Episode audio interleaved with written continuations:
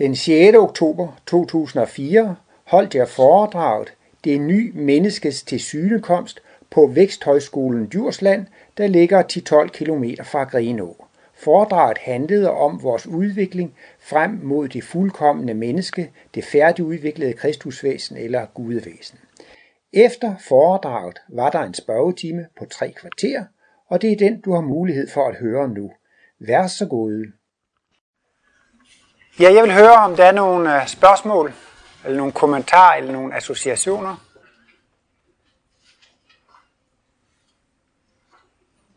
Men ellers så er det jo det, vi er inde i en meget stor forvandling, hvor det faktisk, altså det går fra nat til dag, altså det er fuldstændig kontrært. Altså man kan sige, vi går fra en liv, et liv, hvor vi er indstillet på at have sympati til ét menneske, og skal til det stik modsatte af sympati til alle mennesker.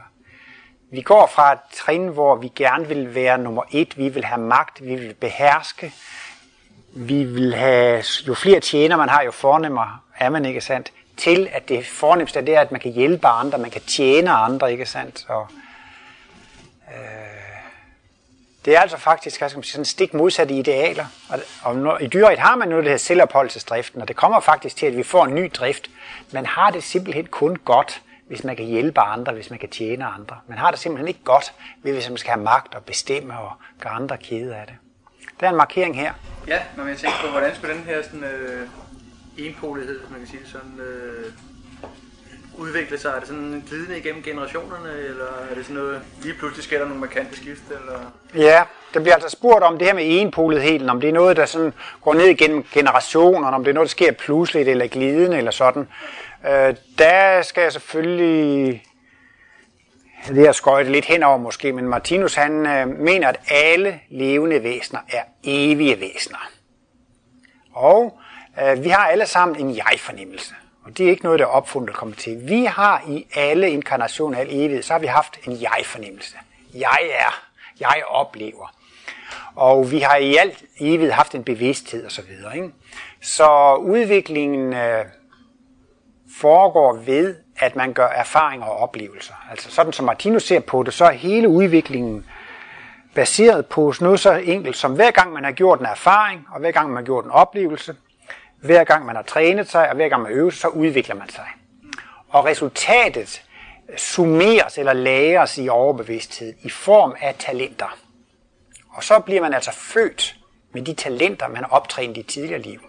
Og man kan også godt have levet forkert og få nogle skavanker. Vi kan også se i dag, at hvis folk har, hvad man, er livsstilssynder, ikke? Altså, hvis folk de ryger og drikker og så spiser sødt og fedt, så, så kan man forudse efter 10, 20, 30, 40, 50 år, så har de det sådan og sådan og ser sådan og sådan ud. Ikke?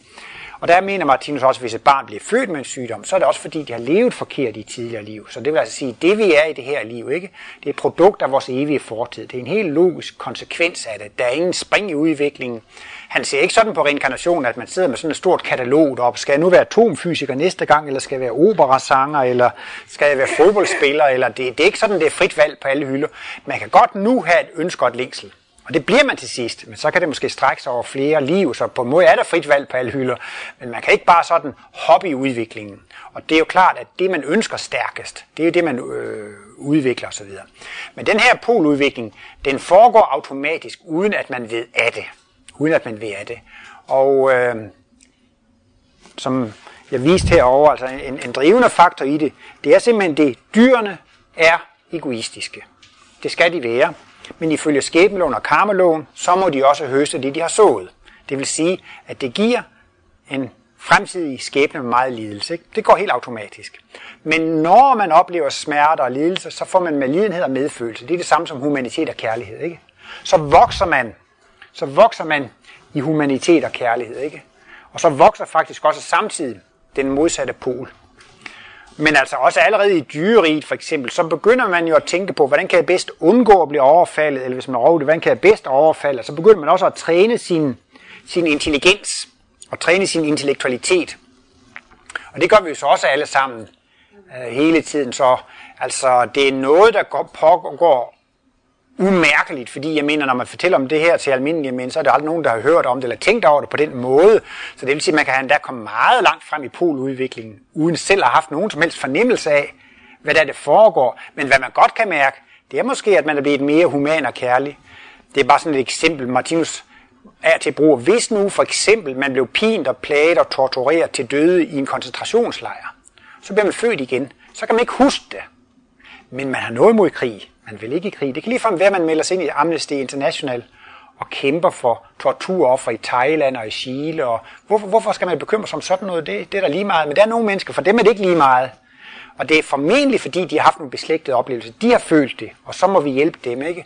Så på den ene måde, så går poludviklingen altså ganske gradvis, men det er altså en individuel proces. Sådan som Martinus ser det, så har vi altså selv, altså du har engang været en lille fisk i havet, du har været en lille smørblomst på engen.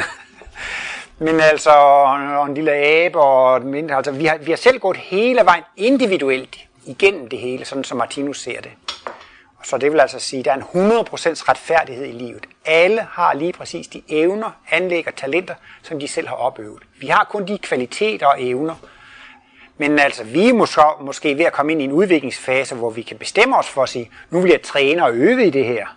Så kan man træne og øve for eksempel noget mere i det kreative værksted, hvis man har lyst til det. Og så kan man efterhånden optræne et kunstnerisk talent, og man kan blive geni. Og, og det er jo også klart, at så, så er det jo også en vældig stimulans af den, af den modsatte pol. Men af en eller anden mærkelig grund, så går det sådan lidt hånd i hånd. Altså at man kan ikke rigtig blive meget kærlig, uden også at blive intellektuel, og man kan ikke blive rigtig intellektuel, uden det også at gå lidt i hånd med, med kærligheden. Og det bedste er jo også, det er sådan en harmoni. Så man kan sige, altså det er en umærkelig proces, som folk ikke er bevidste i. Men i vores dage, så begynder folk at gøre forstå, ikke kan forstå, hvad er der i vejen med mig, ikke? Det kan være, at alle andre søskende, de er gift og sådan noget, og hvorfor er du ikke gift, og hvorfor er du ikke børn, eller hvorfor bliver du nu skilt for tredje, hvad er der i vejen med mig, og så begynder folk at stille sig spørgsmål, og de begynder at føle sig unormale. Altså, hvad er der i vejen med mig, for jeg er ikke ligesom de andre. Og så begynder det selvfølgelig, der kan man sige, der begynder polforvandlingen at banke på. Og Tino sagde selv også, at øh, han var født ved den tid, han var født. Fordi nu kunne det ikke vente længere, så at sige. Han mente altså, nu havde menneskene brug for en forklaring på, hvad det er, der foregår på det område. Ikke? Der var engang en, der var øhm, på kursus op i Klint, han sagde, ja, da jeg kom derop, troede jeg, at jeg tilhørte en seksuel minoritet, men øh, bagefter så forstod jeg, at jeg var et, hvad var det, han sagde, et evolutionært udviklingstrin. altså, eller han, han følte altså ligesom, at det var noget, som var et led i en normal proces, i stedet for at føle sig, hvad er det i vejen med mig, hvad, hvad, hvad, hvad, hvad. Så, så, så på et eller andet tidspunkt, så er poludviklingen altså så fremskredet, og de dyriske talenter så degenereret, at så begynder det at melde sig. Jeg vil gerne have en forklaring på, hvorfor skal jeg blive hele tiden skilt, eller hvorfor kan jeg ikke holde på en partner, eller hvorfor har jeg meget sympati for mit eget køn, eller øh, så begynder at, virkelig at banke på. Så begynder man på en måde at blive, blive hjernebevidst i den her seksuelle udvikling. Så er der et spørgsmål her. Ja. Jo, men nu tænker jeg på den der udvikling, hvor vi er så forskellige, ikke? Og vi kan sige, at den forskellighed, som vi har som nu her, som nu levende mennesker, fra de mest primitive stammer, dem vi nu er kan man sige, højt intellekt udviklet, ikke? så tænker jeg på, når man nu har den bredde, ikke? hvorfor er der så ikke en bredde fra det primitive til det, altså til, til det, sådan, så øh, det første menneske, som vi nu har i stenalderen. Altså et eller andet sted, så er der jo, der er jo ligesom sådan et, et, et mere skarpt, øh, altså der, der, der, der er sådan øh, derfra, ikke? og så til det at være nu, ikke? men der er ikke ligesom, altså fra forrige, altså der mangler ligesom den der udvikling fra, at, at det hele tiden er i bevægelse, og vi udvikler os i takt med et eller andet, ikke? Men det er jo kun fra, fra den mest primitive race, ikke? Som, som er nu er på jorden, ikke? Altså i forhold til vores huleboer eller de andre halvaber, altså fra, der, fra abe til menneske, der er jo virkelig et spring, altså alligevel, ikke? Ja, jeg er ikke helt klar over det, du har spurgt om, men jeg har to ledetråde. Der er to ting, jeg gerne vil svare på i hvert fald. Jeg har ikke forstået, hvad der du har spurgt om, men der er to ting, jeg gerne vil svare på. Okay, ja. Og det første, du tager frem, det er det her med forskelligartethed, hvor forskellig man er, og hvor ens man er. Og det andet, det er altså, hvad vi kan se af udviklingstrin her på kloden her og nu. Og der er nemlig mange, der faktisk får det lidt galt i halsen. De tror, øv, hvor bliver det kedeligt. Skal vi alle sammen være rigtige, fuldkommende mennesker? Så bliver vi alle sammen ens. Se nu, hvor forskellige vi er. Skal vi så gå hen og blive helt ens? Det var da en trist udvikling. Men som Martinus ser det, så er der faktisk tværtom, fordi dyrene er i virkeligheden meget ens fordi de reagerer instinktivt. Hvis du går sådan ved et dyr, så reagerer den på den måde. Hvis du gør det samme ved et andet dyr, så reagerer den på samme måde, fordi den reagerer ifølge sit instinkt. Man kan næsten sige, at dyr reagerer som automater, og derfor er dyr i virkeligheden meget ens. Men mennesker begynder faktisk at blive mere og mere forskellige. Man bruger også nogle gange et udtryk om nogle kunstnere, sådan, han er en værre original, han er noget for sig selv. Jamen det er jo netop det på en måde, der ligger i kreativiteten. Ikke? Vi skal alle sammen blive nogle rigtige originaler. Fordi efterhånden, som vi alle sammen hver for sig udvikler vores kreativitet, så bliver vi faktisk mere og mere individuelle. Altså når vi udvikler vores intellektualitet og vores kreative ting, ikke sandt, så får vi jo en fantasi og en forestillingsevne, som gør, at folk kan altså virkelig blive meget, meget kreative. Det var altså bare den, den ene tråd af det, jeg tænkte, du lige bragte op. Det vil faktisk sige, at dyrene, de er mere ens. Og efterhånden så bliver vi faktisk mere og mere forskellige. Selvom vi alle sammen bliver rigtige mennesker, 100% kærlige, så er vi faktisk meget forskellige i kraft af, at vi alle sammen er blevet kreative genier, og vi kan udtrykke yderst personlige ting. Og hvis alle kan udtrykke noget yderst personligt, så er vi jo netop blevet meget forskellige. Hvorimod dyrene har svært ved at udtrykke noget meget personligt, de reagerer. Så når man kigger tilbage i udviklingen her, så er Martinus så meget inde på, at det ikke er alle de udviklingstrin, vi har været igennem, som er på jordkloden i dag. Mange af de trin, vi har været igennem, de er uddøde. Og det er jo netop også, i gamle dage så talte man om the missing link, og nu har de jo let med lys og lygte alverdens steder. Og nu har de næsten fundet knogler hele vejen igennem, så nu taler man ikke så meget om the missing link. Altså det ser ud til, at det har været på kloden her, altså fordi man har fundet fossiler. Men altså når man kigger på det, så er det jo mange, der er jo ikke Cro-Magnon-mænd og neandertalere her og så videre. Det er rent nok, det er jo kæmpe spring fra de højrestående primater, altså øh, menneskeaberne, altså gorilla, orangutang og chimpanse, ikke? og så op til de primitive, der er jo et kæmpe gab. De er ikke på kloden i dag. Men Martinus mener, det, det, de har jo eksisteret engang. Øh, det vil sige, vi har heller ikke haft hele vores udvikling på den her klode. Det kan være, at der er nogle mennesker, der er på den her klode for første gang. Jeg mener, for i 1700-tallet var det 1 milliard mennesker på kloden. Nu er vi oppe på 6 milliarder, så der må der komme nogle nye til, ikke? Øh, og man kan have været på mange forskellige planeter i, i udviklingsforløb, og det kan godt være, at man er mange inkarnationer i træk på den samme planet, fordi det passer lige til en inden i det, i det udviklingsstykke, og så, så, så kan man gå videre. Så bare fordi, at vi ikke kan se Cro-Magnon på kloden i dag, så er det ikke bevis på, at vi ikke selv har været på det udviklingstrin engang. Så altså, som Martinus siger, så har alle udviklingstrin været her. Og kan de findes her på jordkloden, så er det jo nemmere at overbevise folk. Men selvom man ikke ville kunne finde dem på jorden i form af fossiler, så mener man, så er de alligevel været der. Der er ingen spring i udviklingen. Så har vi været det på andre kloder, eller så er det bare fordi videnskaben ikke kan finde dem her på kloden. Det er jo så... Øhm, men jeg ved ikke, hvad... Jamen, hvorfor? Altså, nu må sige, aberne, der, der er ude i skoven, ja. de er der stadigvæk, ikke? ikke? Og, men, og, de, og så kan vi så sige, så har vi det store spring til, til de primitive naturmennesker, ikke? Ja. Ikke?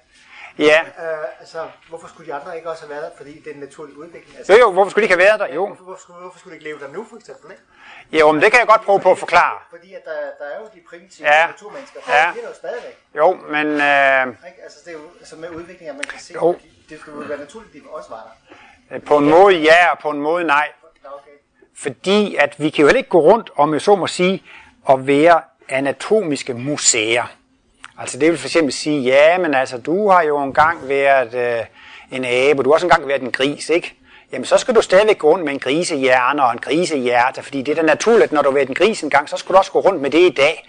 Nej, det er altså ligesom med bilerne. Så har jeg haft en gammel Ford T, så er den bliver skiftet ud med en Ford A, så bliver en Ford A skiftet ud med en Ford dit og dat, og det bliver altså, man behøver ikke nødvendigvis at gå og samle på alle de gamle udviklingstrin. Vi er også engang gået på fire, og vi har haft lange, endnu længere hugtænder, og altså vi behøver ikke at gemme alle de trin i den fysiske organisme, som vi har haft tidligere.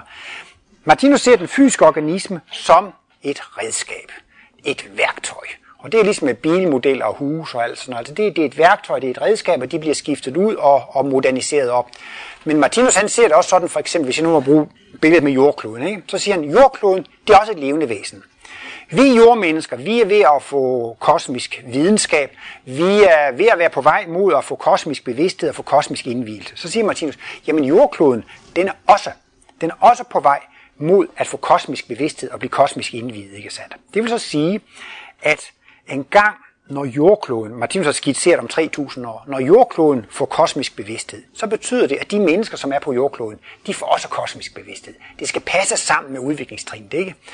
Så kan det ikke nytte noget. Altså jordkloden kan ikke få kosmisk bevidsthed, hvis halvdelen af jordens mennesker er neandertalere. Fordi så har den jo virkelig en meget primitiv bevidsthed. For at jordkloden kan få kosmisk bevidsthed, så skal de dyriske tanker renses ud. Ligesom når du skal have kosmisk bevidsthed, så må du også have de primitive og de dyriske tanker udrenset, der kun er menneskelige tanker. Ikke? Men det vil så også sige, at hvis jordkloden skal have menneskelige tanker og være en fuldkommen planet, ikke sandt? Så skal, det også, så skal den være opbygget af fuldkommende mennesker. Jordklodens hjerne, den er opbygget af den menneskehed, der er nu. Når jordkloden skal være en fuldkommen kærlig organisme, så skal den også være opbygget af fuldkommende kærlige mennesker. Og så siger Martinus, det gælder simpelthen love for tiltrækning og frastødning. Det vil sige, at vores jordklode, når den er højt udviklet og kærlig, så kan den kun tiltrække højt udviklet og kærlige mennesker. Men hvis jordkloden var, hvis jordklodevæsenet var primitiv, hvis jordklodevæsenet var på cro stadiet så ville jordkloden tiltrække diskarnerede mennesker, som var cro mennesker Men netop fordi de mennesker, der er på jorden, de bærer jordens bevidsthed. Derfor kan jorden ikke blive ved med at være sådan en museumsgenstand, så hvor det skal blive ved med at være Cro-Magnon-mennesker osv. Så vil det blive ved med at være, hvis nu en fjerdedel var sådan en Cro-Magnon-menneske, så var en fjerdedel af dens bevidsthed jo også primitiv. Men den skal få en fuldkommen bevidsthed. Men resultatet af alle tidligere udviklingstrin, det er jo indbagt i de talenter og evner og anlæg, vi har og jordkloden har. Så det er ikke spildt, vi har været de der.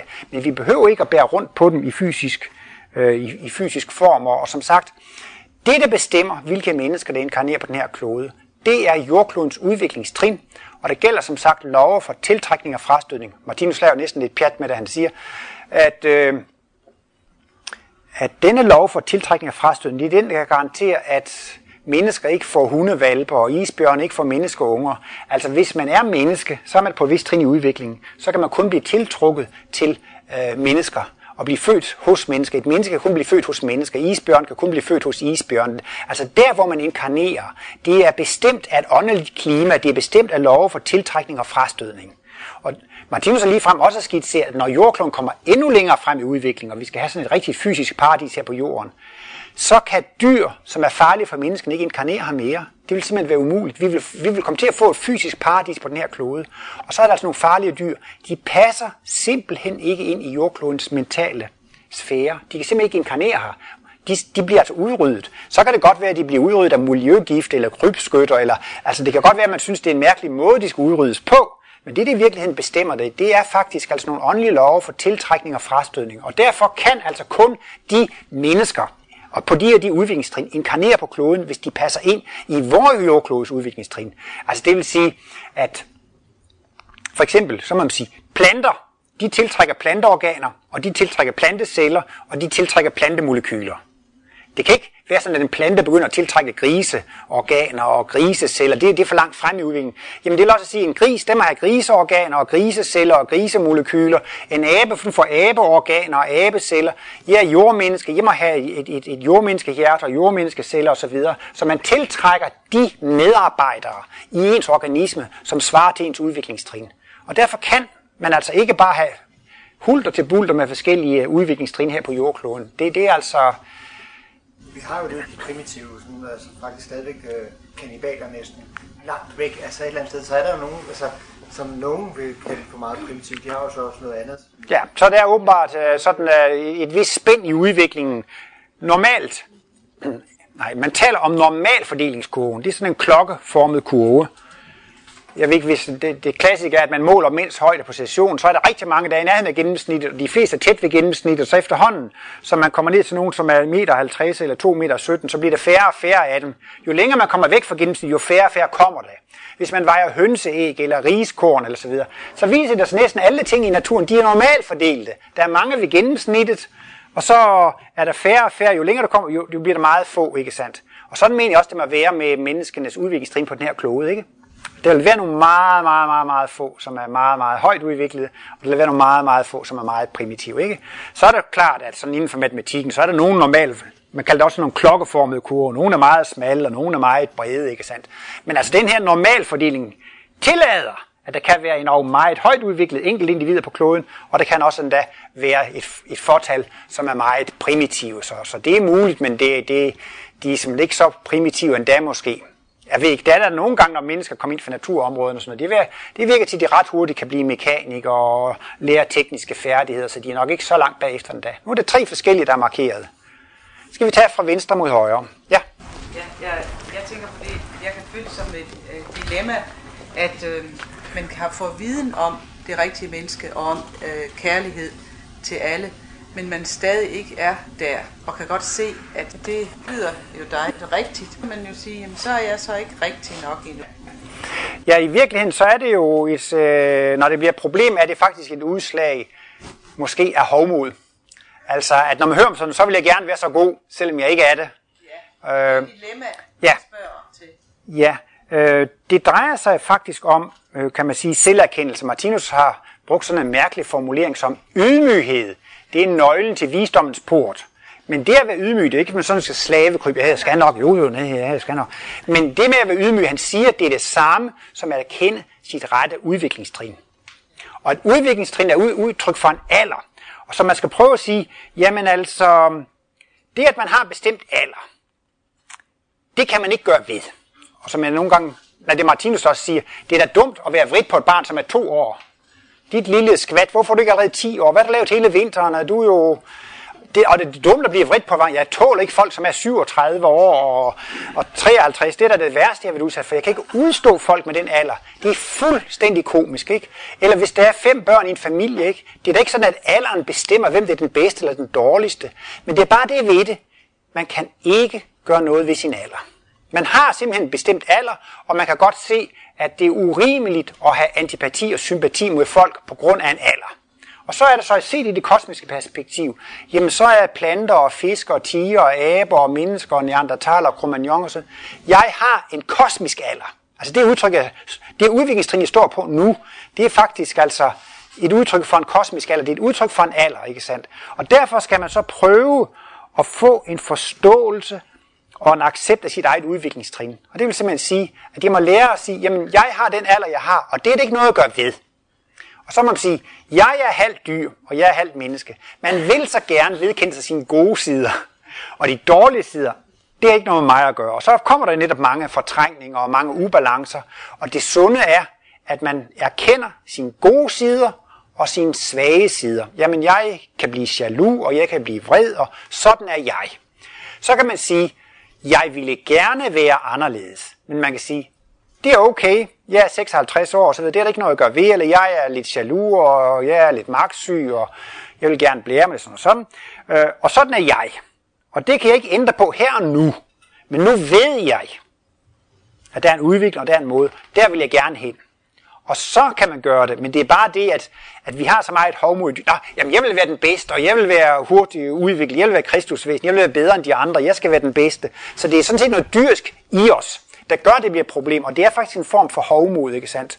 Hvorimod altså det, der i den sidste ende åbner for visdom og så videre, det er, at man har erkendt, jamen, jeg er den, jeg er. Det er også en anden ting, som jeg lige vil nævne, og det er jo nogle gange, så nogen de hører måske, hvad, hvad en skytsengel siger, så kan det jo være, at dine skytsengel, de er meget godt tilfreds med dig. Men altså, man kan også udvide sige, Gud er godt tilfreds med dig. Og Gud er også godt tilfreds med dig, og dig, og dig. Det vil simpelthen sige, at Gud er godt tilfreds med alle samtlige mennesker, ikke? Og alle samtlige dyr. Der er ikke nogen som helst kritik for Gud om at sige, det er ikke sådan, at Gud, jeg er skuffet over dig, men du har gjort det meget godt, og dig er jeg meget skuffet over. Jamen altså, alle har lige præcis den alder, de har. De har lige præcis de erfaringer, de har. Man kan ikke bruge erfaring, man ikke har gjort endnu. Det vil sige, alle gør det så godt, som de kan. Og det er helt sikkert, altså fra den åndelige verden og fra Guds side, der er den samme sympati for alle levende væsener. Der er ingen favoritter. Det vil også være helt urimeligt. Netop hvis Gud er alle kærlig, der er absolut ingen favoritter. Gud har den samme kærlighed til alle levende væsener, og Gud er fuldstændig tilfreds med alle levende væsener. Gud er også tilfreds med dig, selvom du ikke er et kristusvæsen. Og det er også en dejlig tanke at have. Der er en fuldstændig kærlighed og en accept af mig fra den åndelige verden, fordi jeg er, som jeg er, jeg kan ikke være anderledes nu. Det er sådan nogle tanker, man skal ind på. Og derfor er det jo altså stor visdom. Det er simpelthen at erkende det udviklingstrin, man står på, og det er så altså også at erkende, ja, det er dyr, jeg er, og ja, det er menneske, jeg er. Og det er jo det, man vil helst ikke gå ind i, at erkende sine dyriske sider. Og noget, et udtryk for det, noget bevis for det, det er jo netop, at hvis man ser på skæbneloven som et spejl på en selv, det jeg bliver udsat for, det er et spejl på mig, det er noget, jeg selv har gjort, ikke? så er det netop det, at der er så mange mennesker, vi er sure og kritiske og utilfredse med. Men det er faktisk ens egne sider, man ser, og man vil ikke være ved det. Det kalder psykologen også nogle gange projektioner. Jeg kan ikke tåle autoritære folk, og jeg kan ikke tåle folk, som altid afbryder andre, når jeg snakker. Eller når, når de bliver snakket, ikke? jamen så, så, så kan psykologen vise, det du bliver så oprørt over hos andre, det er din egen fejl, ikke?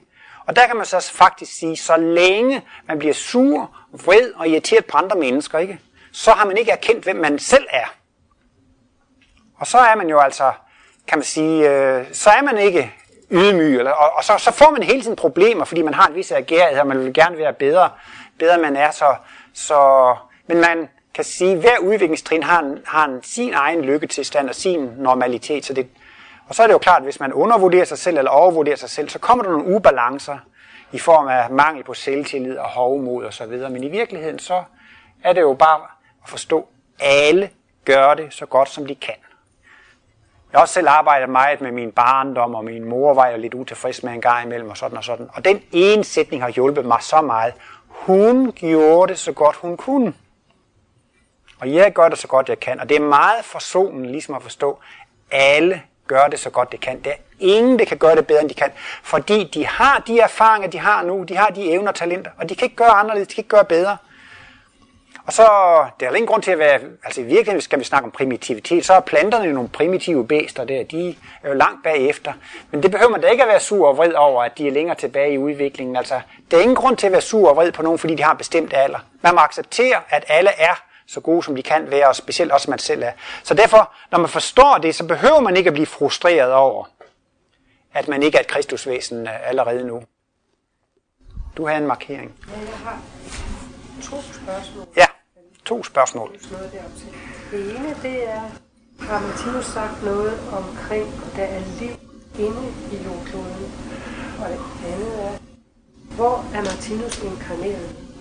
Der bliver spurgt om to ting, om øh, der er liv inde i jordkloden, og hvor Martinus er inkarneret nu. Ja, der har været en udsendelse for et par lørdage siden på DR2 om jordens indre. Tema lørdag om jordens indre. Og øh, det har jeg ikke hørt, han har udtalt sig om. Altså han har udtalt sig om, at jordkloden er et levende væsen. Og, øh, men øh, hvis man altså taler om, øh, hvad hedder sådan noget, biologisk liv, biologisk liv. Jamen jeg tænker, ligesom han nu siger, at vi jo vi er dens hjerne, hjerneceller. Altså er der så også nogle levende væsener, måske, eller os inde i jordens midte? Om der er mennesker ligesom jordens midte. Altså, der må man sige, at Martinus taler om, at når man ser på det fysiske plan, så siger han, at der kan være tre slags liv. Han kalder også om livsenheder. Der er mineralsk liv, og så er der vegetabilsk liv og animalsk liv, ikke? Og i øvrigt mineralsk liv, det er levende væsener, men de har ikke dagsbevidsthed på de fysiske plan. Ikke? Og så er der planter, de har hvad han kalder anelsesbevidsthed. Planter kan ane en lille smule på de fysiske plan. De har en lidt diffus og uklar oplevelse. De kan mærke, om det er lys eller mørke, men de kan ikke se billeder. Det er sådan meget diffust. Men dyr, animalske væsener, de kan mærke realistisk smerte og velvære, ikke sandt?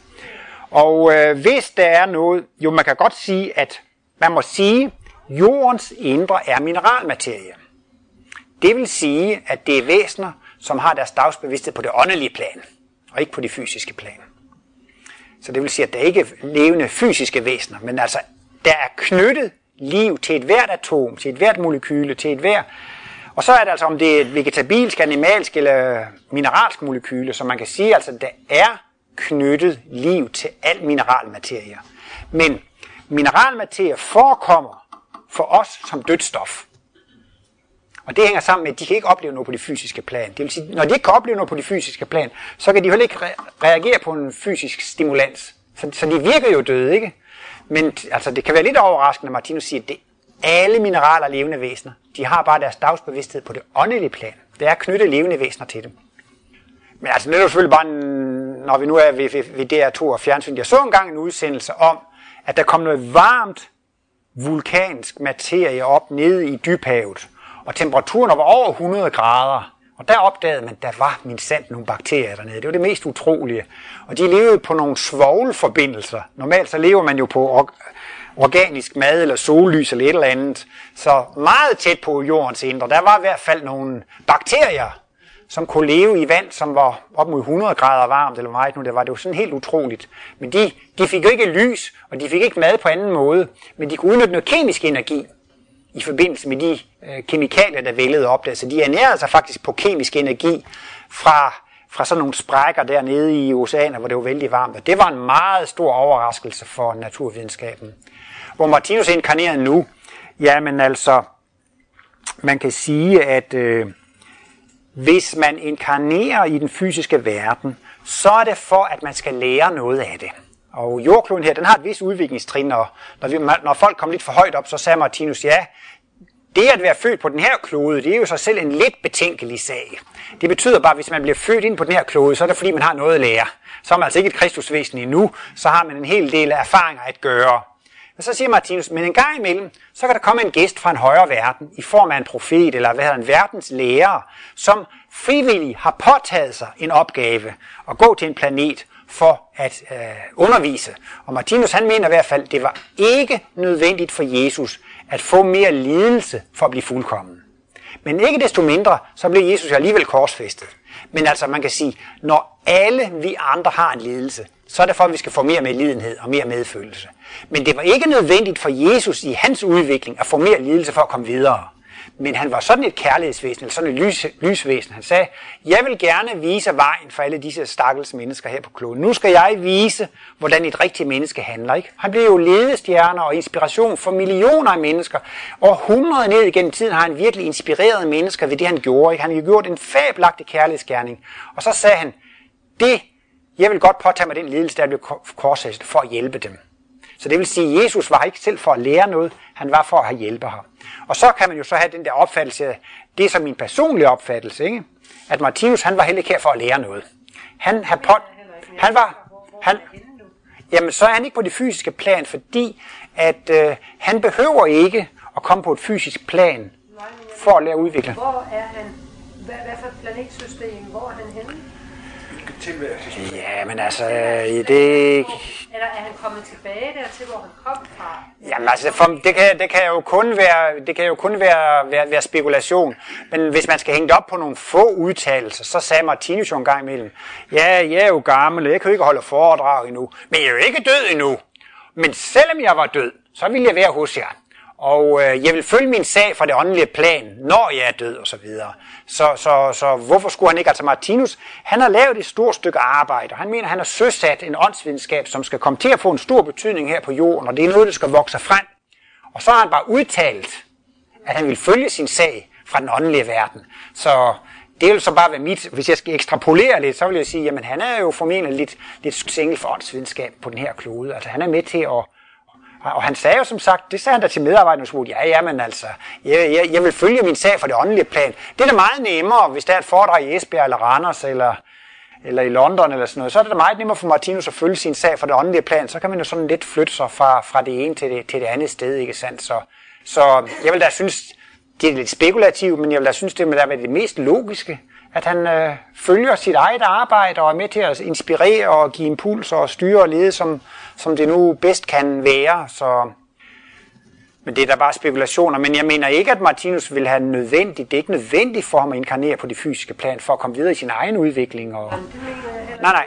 Det er ikke sådan. Jeg tænkte bare på, at det kunne være, at du eller nogen inden for Nativs havde altså, vidst noget mere om. Er der ikke tvivl om, at han øh, følger sin sag? Ja, ja.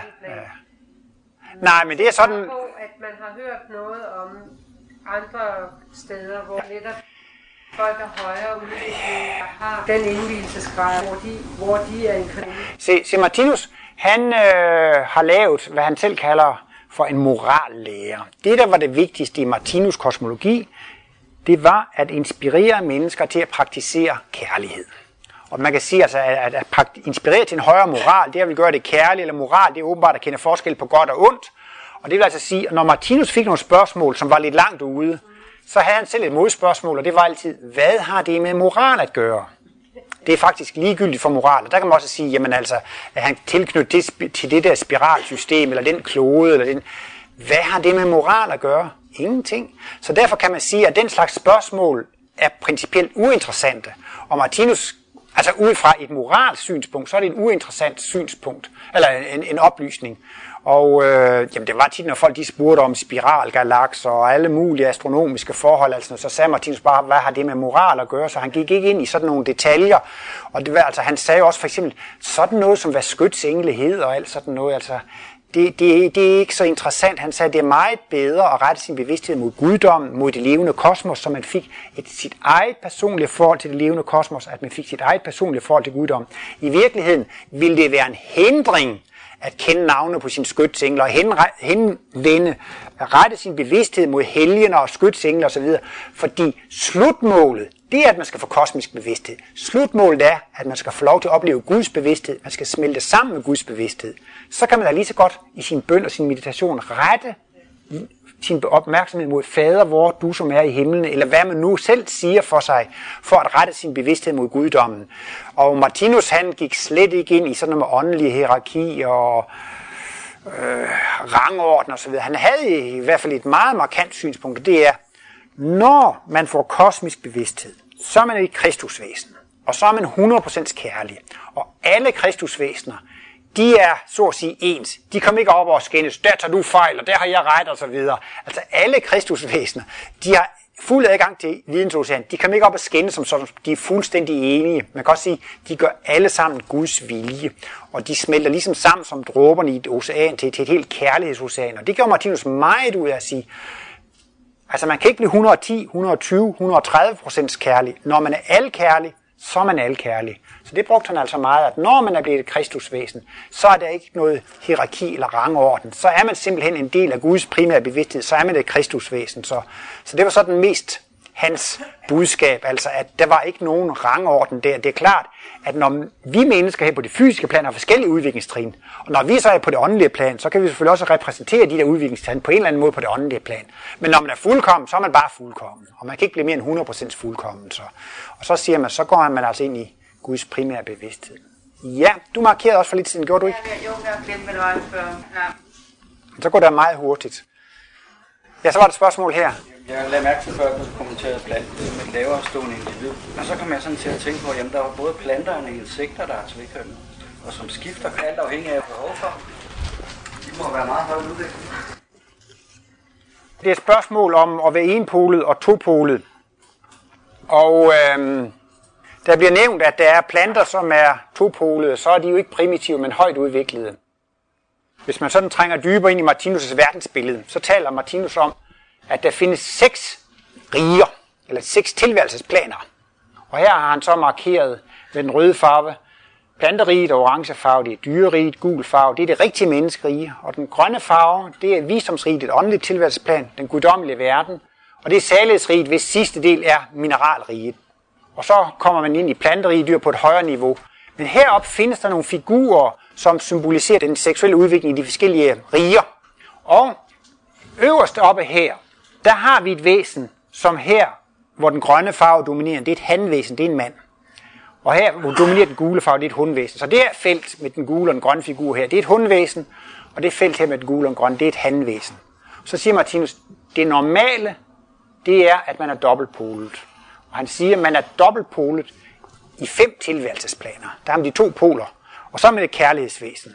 Men uh, der skal være kontraster til alting. Altså man kan ikke opleve en ting, uden man oplever kontrasten. Man kan ikke vide, at man er lykkelig, hvis man ikke prøver at være ulykkelig. Man kan ikke vide, at det er varmt, hvis det ikke har været koldt. Man kan ikke vide, at man er, at man er veloplagt og har det godt, hvis man ikke har været træt og syg osv. Og, og det vil sige, at man ved ikke, at en ting er kærlig, hvis man ikke har oplevet ukærligheden. Og øh, man kan tale om, at, at der findes en krigens anatomi og en fredens anatomi.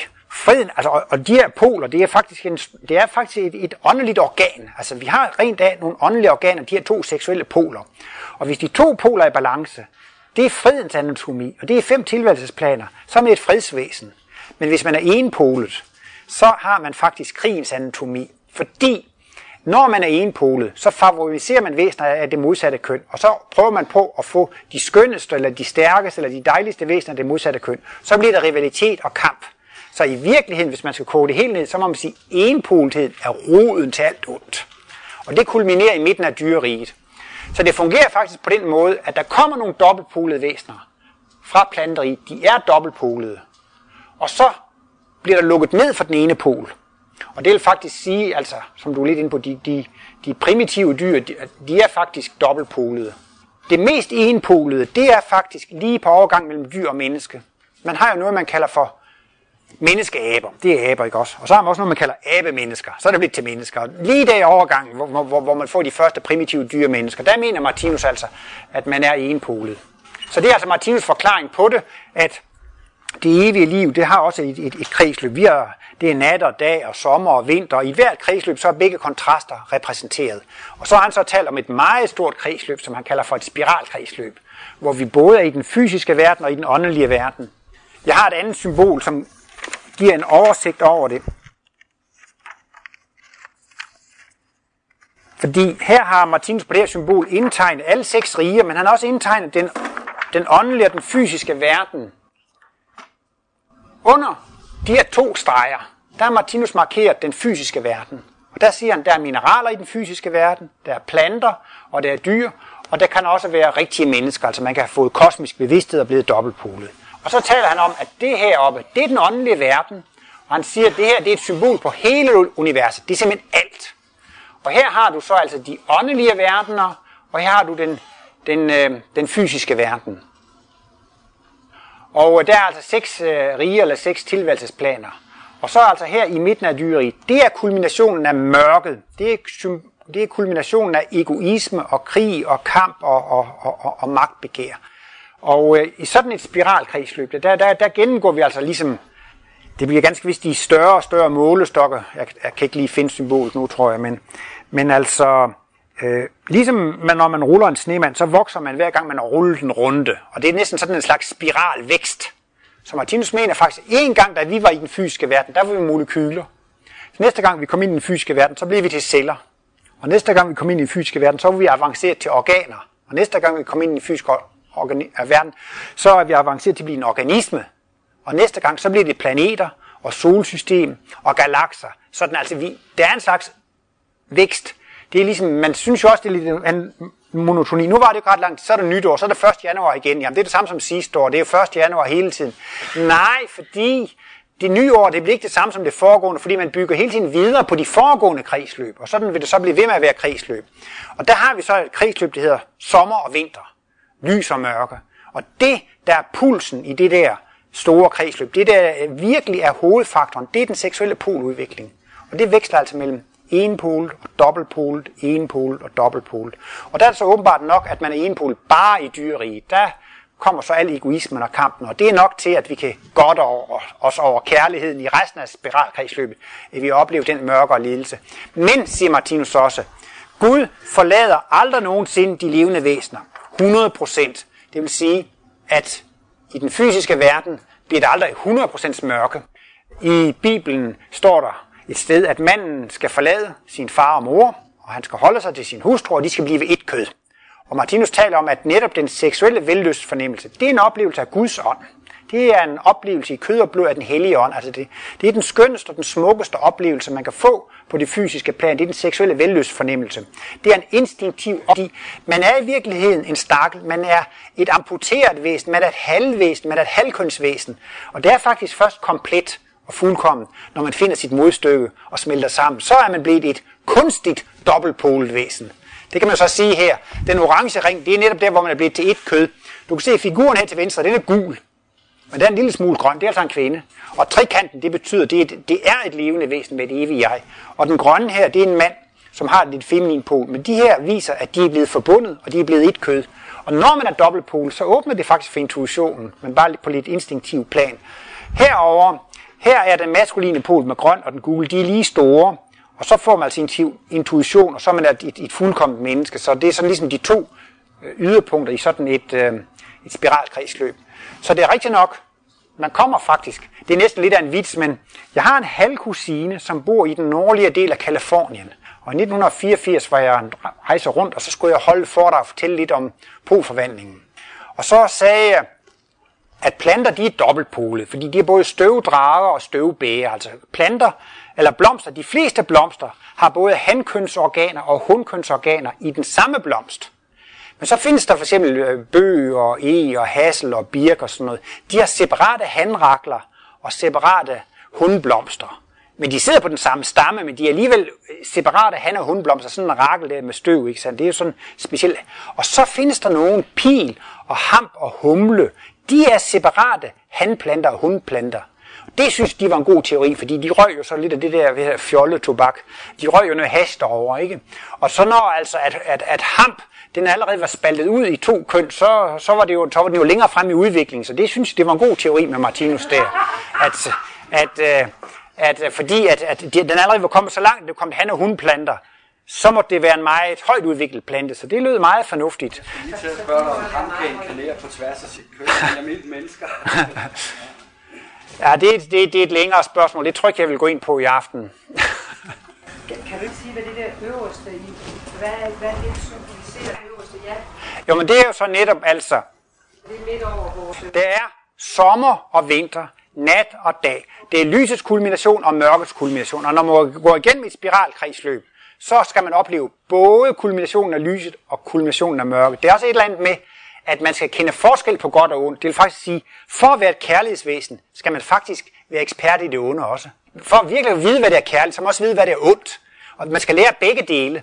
Og der kan man så sige, at den her figur, det er sådan set, hvad oplever vi af lys og mørke? Og netop her over dyreriet, der ser du så, at det er mørkets kulmination, ikke sandt? Der oplever man kulminationen af det onde, så at sige. Og her, hvor man altså, kan man sige det modsatte, øh, der er man altså i lysets kulmination, som øh, han kalder det der tilværelsesplan for den guddommelige verden, og det er absolut det allerhøjeste åndelige plan, man kan komme på, hvor man så at sige, er en celle i Guds primære bevidsthed. Så ja, sådan skulle det nogenlunde forklares, tror jeg. Var der flere? Ja, spørgsmål, kommentarer? Det synes jeg ikke var tilfældet. Så vil jeg sige mange tak for i aften, og på gensyn om 14 dage.